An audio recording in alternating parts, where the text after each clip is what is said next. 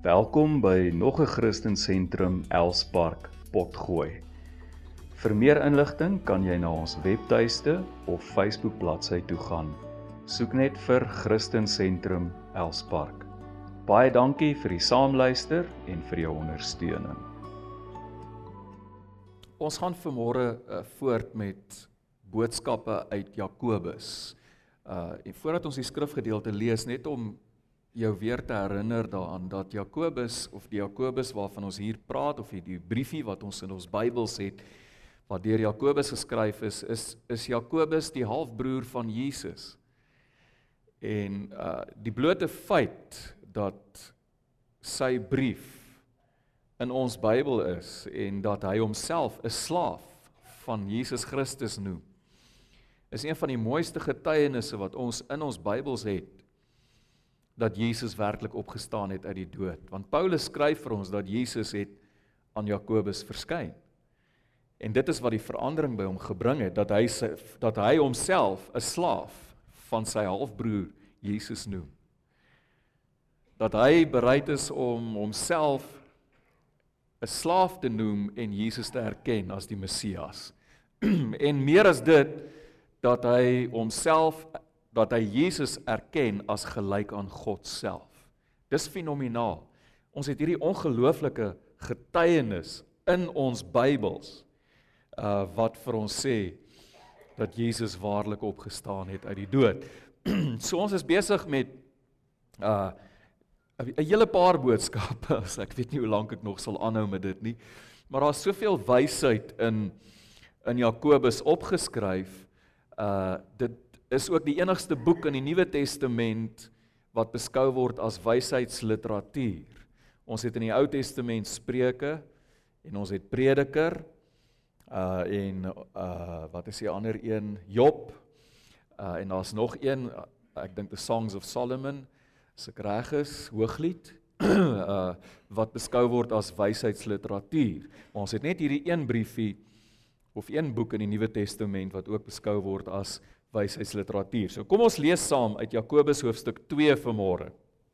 Vanaf vers 14 tot 26.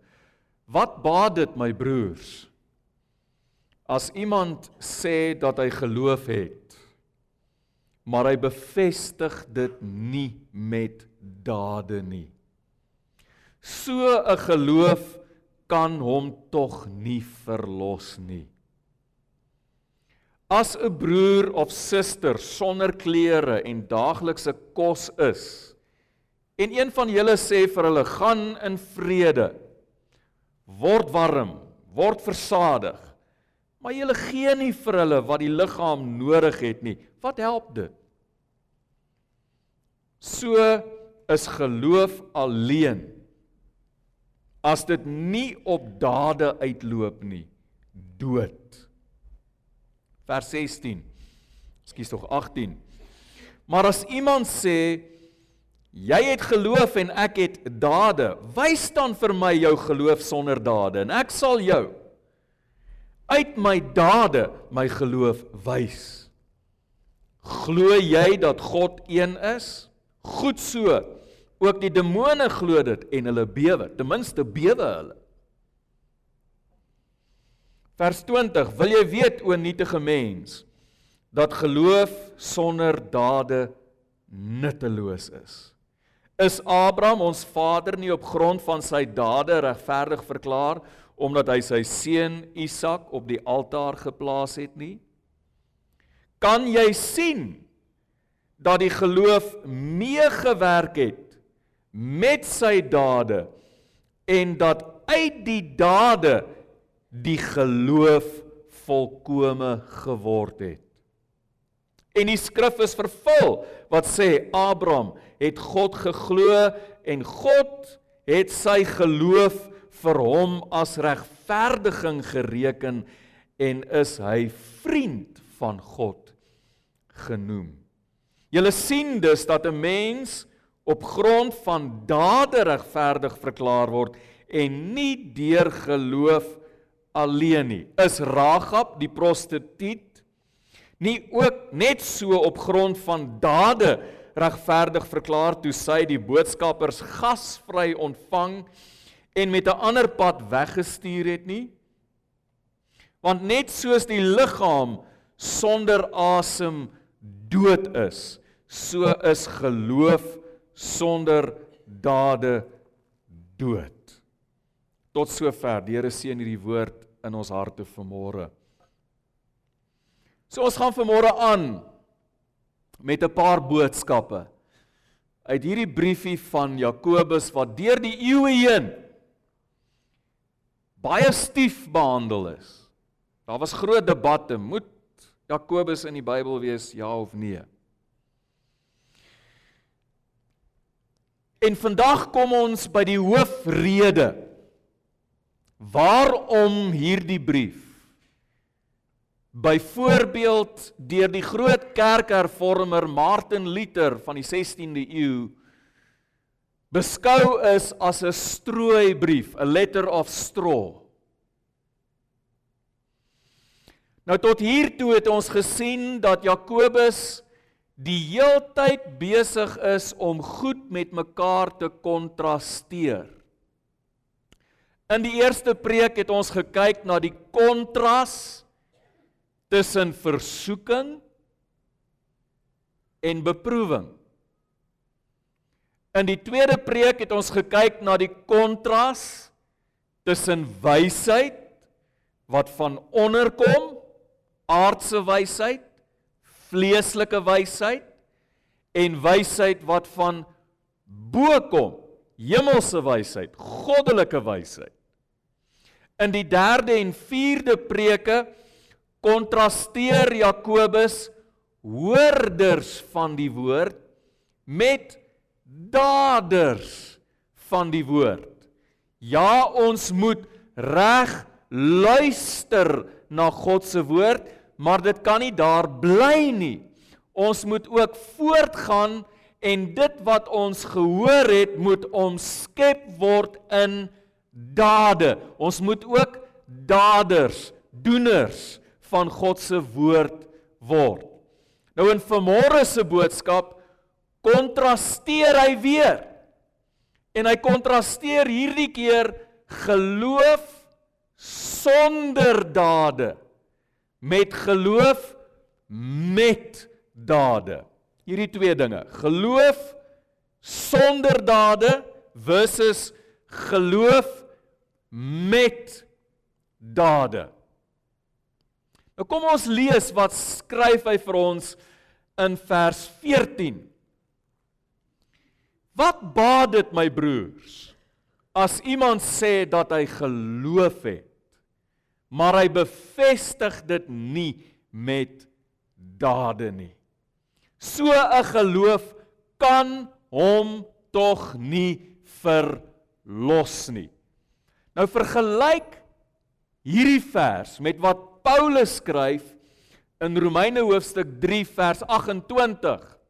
Paulus skryf hier hy sê ons is immers daarvan oortuig dat 'n mens regverdig verklaar word deur die geloof en nie deur die werke van die gehoorsaamheid aan die wet nie. Nou sê hierdie twee verse, die vers wat ons gelees het uit Jakobus En hierdie vers wat ons nou net gelees het uit Romeine Paulus en Jakobus langs mekaar sit, lyk dit oënskynlik asof Jakobus lynreg doelbewus met die apostel Paulus bots. Maar as jy Jakobus baie mooi gaan deurlees, en glo my, Ek het Jakobus van die eerste vers af tot by die laaste vers vers vir vers deurgewerk met die Grieks by my. As jy mooi kyk, mooi luister, mooi lees wat Jakobus skryf en wat hy regtig hier sê bots hy nie met Paulus nie. Hy korrigeer mense wat Paulus verkeerd interpreteer. In die eerste eeu was daar baie mense gewees wat Paulus se boodskap, onthou die Here het vir Paulus 'n wonderlike openbaring gegee. En Paulus sê dat hy hierdie openbaring van God self ontvang het. Mense het dit nie vir hom gegee nie. Hierdie openbaring is dat ons gered word deur genade en deur genade alleen en deur ons geloof in Jesus Christus. Maar baie mense in die eerste eeu en vandag ook verdraai hierdie openbaring van Paulus. En kan ek vir julle sê dis nogal redelik maklik om Paulus te misverstaan. Kom ons lees 'n bietjie wat skryf Petrus oor die apostel Paulus se briewe in 2 Petrus hoofstuk 3 vers 15 en 16. Hy sê en beskou die lankmoedigheid van ons Here as 'n geleentheid tot verlossing soos ook ons geliefde broer Paulus volgens die wysheid wat aan hom gegee is aan julle geskryf het. Soos in al sy briewe waarin hy oor hierdie sake praat. Daarin kom sekere moeilike verstaanbare dinge voor. Paulus is nie maklik om te verstaan nie. Daar kom moeilike verstaanbare dinge voor wat onkundige en onverstandige of onstandvastige mense tot hulle eie ondergang verdraai. Dis baie duidelik as jy Paulus se briewe lees dat hy 'n ongelooflike komplekse denker was. En dit sit nie in enigiemand se broek om Paulus reg te interpreteer nie. Soveel mense het al boeke, ek wil amper sê honderde boeke oor die apostel Paulus geskryf. Ek self sit met ten minste twee redelike dik volumes op my boekrak oor die apostel Paulus. Elke keer is daar iemand wat met nog 'n sleutel of wat nog 'n sleutel ontdek om agter die kap van Paulus se denke te kom. Jy kan gerus die briljante Anglikaanse teoloog N.T. Wright se artikel gaan lees, gaan Google dit op op die internet. Sy artikel Romans and the theology of Paul. Dan begin jy verstaan. Of lees net jou Bybel, lees net Paulus self. Dan begin jy verstaan Nie so maklik om hom reg te interpreteer nie. Maklik om sy woorde te verdraai. En daarom sê Petrus vir ons so duidelik dat onverstandige en onstandvaste mense verdraai Paulus se briewe tot hulle eie ondergang.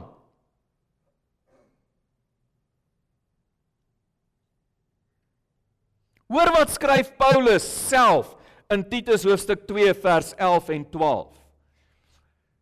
Ek weet nie wie van julle het al hierdie vers gelees nie. Dis Paulus. Hy skryf aan Titus en hy sê want die verlossende genade van God het aan alle mense verskyn en voed ons op. Voed ons op sodat ons in hierdie bedeling verstandig en regverdig en vroom kan leef deur goddeloosheid en wêreldse begeertes te verwerp. Ja, ons word gered deur genade alleen. En daar's niks, hoor my, daar's niks wat ek en jy kan doen om enige iets by God se genade te voeg nie. Niks van my werke, niks van my dade kan my red nie. Ons beste werke, skryf Paulus, is soos 'n wegwerplike kleed voor God. Ons word gered deur sy genade en sy genade alleen. Maar nou skryf Paulus hier dat hierdie selfde genade waardeur ons verlos is los ons nie waar ons is nie. Hierdie selfde genade voed ons op. Hæ? Dit voed ons op. Dit maak ons groot soos wat jy 'n kind groot maak. Hierdie selfde genade leer ons om wat te doen? Om verstandig, regverdig en vroom. Wie van julle het al daai woordjie gehoor? Vroom. Te lewe in hierdie lewe nou en om goddeloosheid en wêreldse begeertes te verwerp. Die genade van God leer ons om dit te doen. Voed ons op om dit te doen. So ek sê weer, nie so maklik om Paulus te interpreteer nie. En Jakobus sê glad nie in hierdie gedeelte wat ons vanmôre gelees het dat ons deur ons werke gered word nie. Hy stem saam met Paulus, ons word deur genade gered deur ons geloof in Jesus Christus alleen. Maar Jakobus verduidelik vir ons hoe lyk die geloof waardeur ons gered word. En eintlik wat Paulus vir ons sê is talk is cheap. Talk is cheap. Dit's baie maklik om te sê ek glo. Ek kan onthou toe ek as 'n kind as 'n kind groot geword het in die gereformeerde tradisie elke sonoggend begin jy met 'n geloofsbelijdenis. Ek glo in God die Vader. Jy lees daai hele geloofsbelijdenis wat jy af lê. Baie maklik om te sê ek glo al hierdie goed. Maklik. Maar hoe weet ons? Jy glo dit regtig? As ons net mooi niks daarvan in jou lewe sien nie. Enigiemand hier al gehoor van Nancy Pelosi? Ek ek ek noem haar sommer Nancy Pelosi. Nancy Pelosi, sy's die voorsitter van die Amerikaanse House of Representatives. En sy beweer dat sy 'n baie godsdienstige persoon is en dat sy elke dag van haar lewe vir die Amerikaanse, die huidige Amerikaanse president bid. maar as jy hoor wat sy alles elke dag teen hom sê en wat sy elke dag teen hom doen, wonder jy of sy al ooit in haar hele lewe 'n halwe gebed vir die huidige president gebid het. En ons noem dit skynheiligheid. Skynheiligheid. Het jy geweet ons kan op twee verskillende maniere skynheilig wees? Die eerste manier is ek loop en vertel vir almal wat so groot gelowige ek is. Hoe geestelik ek is. Maar as ons na jou lewe kyk, as ons hoor wat jy sê, as ons sien hoe jy optree in jou daaglikse lewe, dan sien ons niks daarvan nie skynheiligheid. Die tweede manier is as ek al die godsdienstige reëls en rituele nakom. En mense kyk na my en hulle sê: "O wêreld, hierdie is werklik 'n godsdienstige mens." Hier het ons 'n godsdienstige mens. Maar diep in jou hart glo jy nie regtig diep in jou hart het jy nie regte verhouding met God nie. Dis ook skynheiligheid. En dit was Jesus se grootste probleem met die fariseërs en die skrifgeleerdes. Hulle het so vroom voorgekom. Al die reëls nagekom. Maar 'n werklike geloof in God in hulle harte het ontbreek. Hulle het 'n verhouding met die wet gehad, maar nie met God nie. En dit was Jesus se grootste probleem met die fariseërs en die skrifgeleerdes. Jesus sê in Matteus 7 vers 21: Nie almal wat vir my sê Here, Here, sal ingaan in die koninkryk van die hemele nie. Dit is veelseggend dat Jakobus in ons gedeelte wat ons vanmôre gelees het, twee voorbeelde gebruik. En dat nie een van die twee voorbeelde 'n fariseer of 'n skrifgeleerde is wat die wet van Moses tot in sy fynste besonderhede nagekom het nie. Die twee voorbeelde wat hy vir ons gee in hierdie gedeelte is gewone gebroke mense wat onvolmaak is. Die een is Abraham. Iemand al gehoor van Abraham? Dieselfde Abraham wat in opdrag van sy vrou by haar slavin geslaap het. Enigiemand al gehoor van Ragab? Die Kanaanitiese vrou wat in die stad Jerigo gewoon het en ag kan ons maar in hakkies bysit dat sy 'n prostituut was?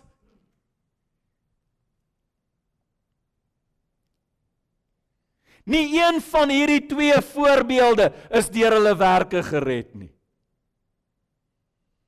Al twee van hulle is deur hulle geloof in God gered. Hoe weet ons? Hoe weet ons dat Abraham deur sy geloof gered is? Want hy was bereid gewees om sy enigste geliefde seun vir God op te offer. Hoe weet ons dat Ragab die prostituut deur haar geloof gered is? Daar was 'n daad.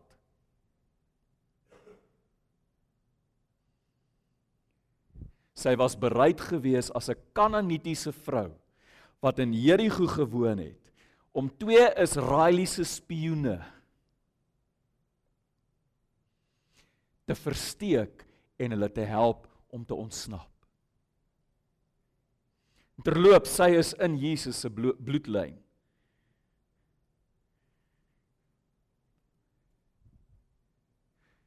As jou geloof eg is, En dis wat Jakobus sê. Dis sy boodskap. As jou geloof eg is, sal ons sal ons sal ons iets daarvan in jou dade sien. Ek gaan dit weer sê.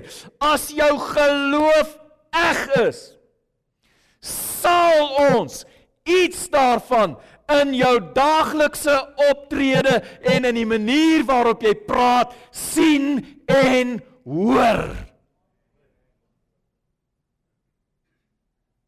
Jakobus praat nie teen wat Paulus preek nie, maar hy preek of hy praat teen 'n geloof wat nie eg is nie. Egte geloof word bewys in my dade.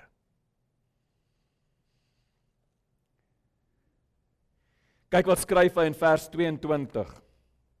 En hiermee sluit ek af kan jy sien dat die geloof meegewerk het met sy dade en dat uit die dade die geloof. Dit gaan oor die geloof hier. Dit gaan oor geloof. Maar jou geloof is nie volkome as dit nie deur jou dade bevestig word nie. Verstaan jy dit? Kan jy sien dat die geloof meegewerk het met sy of sy dis Abraham se dade en dat uit die dade sy geloof bewys is as eg.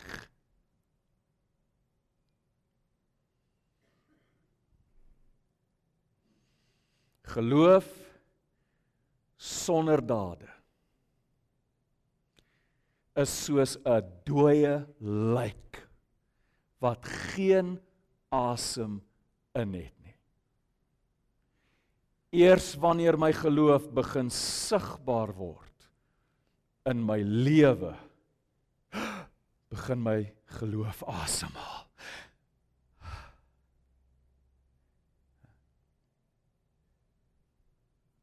Dit is egte geloof. En dit is die geloof waardeur ons gered word. Nie cheap talk nie. Nie cheap talk nie. Amen. Prys die Here. Ek is klaar met die boodskap. Kan ons net ons hoofde buig vir 'n paar oomblikke? Is hier enigiemand vanmôre wat jou lewe vir die Here wil gee? Enigiemand vanmôre wat sê, Pastoor Johan, bid vir my. Ek wil my lewe oorgee aan die Here Jesus Christus. Ek wil hom aanneem as my verlosser, as my saligmaker. Ek het genoeg gehad van hierdie wêreld. Genoeg gehad. Genoeg, genoeg, genoeg. Dis tyd om my lewe met die Here reg te maak. Jy kan net jou hand vinnig opsteek as dit jy is vir môre. Daar oral gaan hande op. Is daar nog oral gaan daar hande op. Goed. Oral is daar hande wat opgaan. Ek gaan vra dat die persone wat julle hande opgesteek het vir my opstaan in die bank. Jy bly net daar staan, maar staan net op. Jy hoef nie vorentoe te kom nie, staan net op. Staan net op. Moenie skaam wees nie. Ons het vanmôre die woord gehoor. Moenie skaam wees om Jesus se naam te bely nie. Staan net op. Goed. Ek gaan julle lei in 'n gebed. En die gemeente gaan saam bid. Maar ek wil hê dat jy hierdie gebed uit jou hart uit bedoel. Die geloof waarvan ons praat hier, is die geloof wat 'n valskerm valskerm springer het. Jy sal nie uit daai vliegtyg uit spring as jy nie glo dat daai valskerm jou veilig grond toe sal bring nie. So, dis daai selfde geloof wat jy vanmôre in Jesus gaan plaas. So kom ons bid net saam en julle gaan agter my aanbid en bid dit uit jou hart uit en die gemeente bid ook saam met ons. Hemelse Vader, ek kom vanmôre na U toe in my verlorenheid. Ek bely my sonde en my gebrokenheid voor U en vra U vergifnis. Dankie vir Jesus wat aan die kruis gesterf het vir my. Sy bloed wat gevloei het om my te verlos. Ek neem hom nou aan as my verlosser en my saligmaker. Ek nooi u Here Jesus om deur u gees in my hart te kom woon. Ek maak my hart wyd oop vir u. En ek verklaar u as die koning van my lewe van hierdie oomblik af. En ek dank u daarvoor. U woord sê almal wat Jesus aangeneem het, het U die mag gegee om 'n kind van God genoem te word. Van hierdie oomblik af dank ek U dat ek 'n kind van God genoem kan word omdat ek Jesus aangeneem het. Amen. En amen. Kom ons gee die Here 'n lofoffer. Prys sy naam. Prys sy naam. Prys sy naam. Prys sy naam. Baie baie dankie. As jy as jy jou hand opgesteek het en jy wil graag hê ek moet jou opvolg, vul ook vir ons daai selfde vorm in waarvan ek gepraat het bietjie vroeër en ek sal met jou afspraak maak in die week of in die volgende 2 weke en en by jou uitkom. En ons vertrou die Here dat dit 'n nuwe begin in jou lewe is. Amen. Goed, kom ons ontvang die seën van die Here. Ons is 5 minute vroeg. Is dit nie lekker nie? Nou kan jy regtig 'n bietjie koffie drink. 5 minute vroeër wat ons klaar maak. Weet julle wat is in my hart vir môre? Ek het die diens hiermee begin. Ek voel ons moet bid vir die NG Kerk. Die Nederduits Gereformeerde Kerk is in 'n krisis in ons land. Hulle is hier oorkant ons, soos broers. En is nie tot voordeel van God se koninkryk as 'n kerk vou nie. Is nie. So kom ons sluit die diens af en ons bid vir en en en dra hulle op in jou gebede ook. Hulle leierskap, hulle gemeentes, hulle dominees dat die Here sal help. Dat die Here sal help. Hemelse Vader, ons bid vir ons broers in die gereformeerde tradisie. Die krisis wat hulle beleef in hulle kerk. Ons vra Here nederig, nie omdat ons beter is nie, glad nie, maar omdat ons wil sien dat u koninkryk in ons land uitgebou word en nie skade ly nie. Wil ons bid dat u sal help, dat dat u sal toetree tot die stryd, dat u 'n wonder sal doen, o Here. En dat ons broers en susters sal opstaan. En ons bid vir herlewing wat oor alle kerkgrense heen ons land sal penetreer tot in die verste uithoeke van ons land. En ons bid dit in Jesus naam. Amen. Amen. En nou mag die genade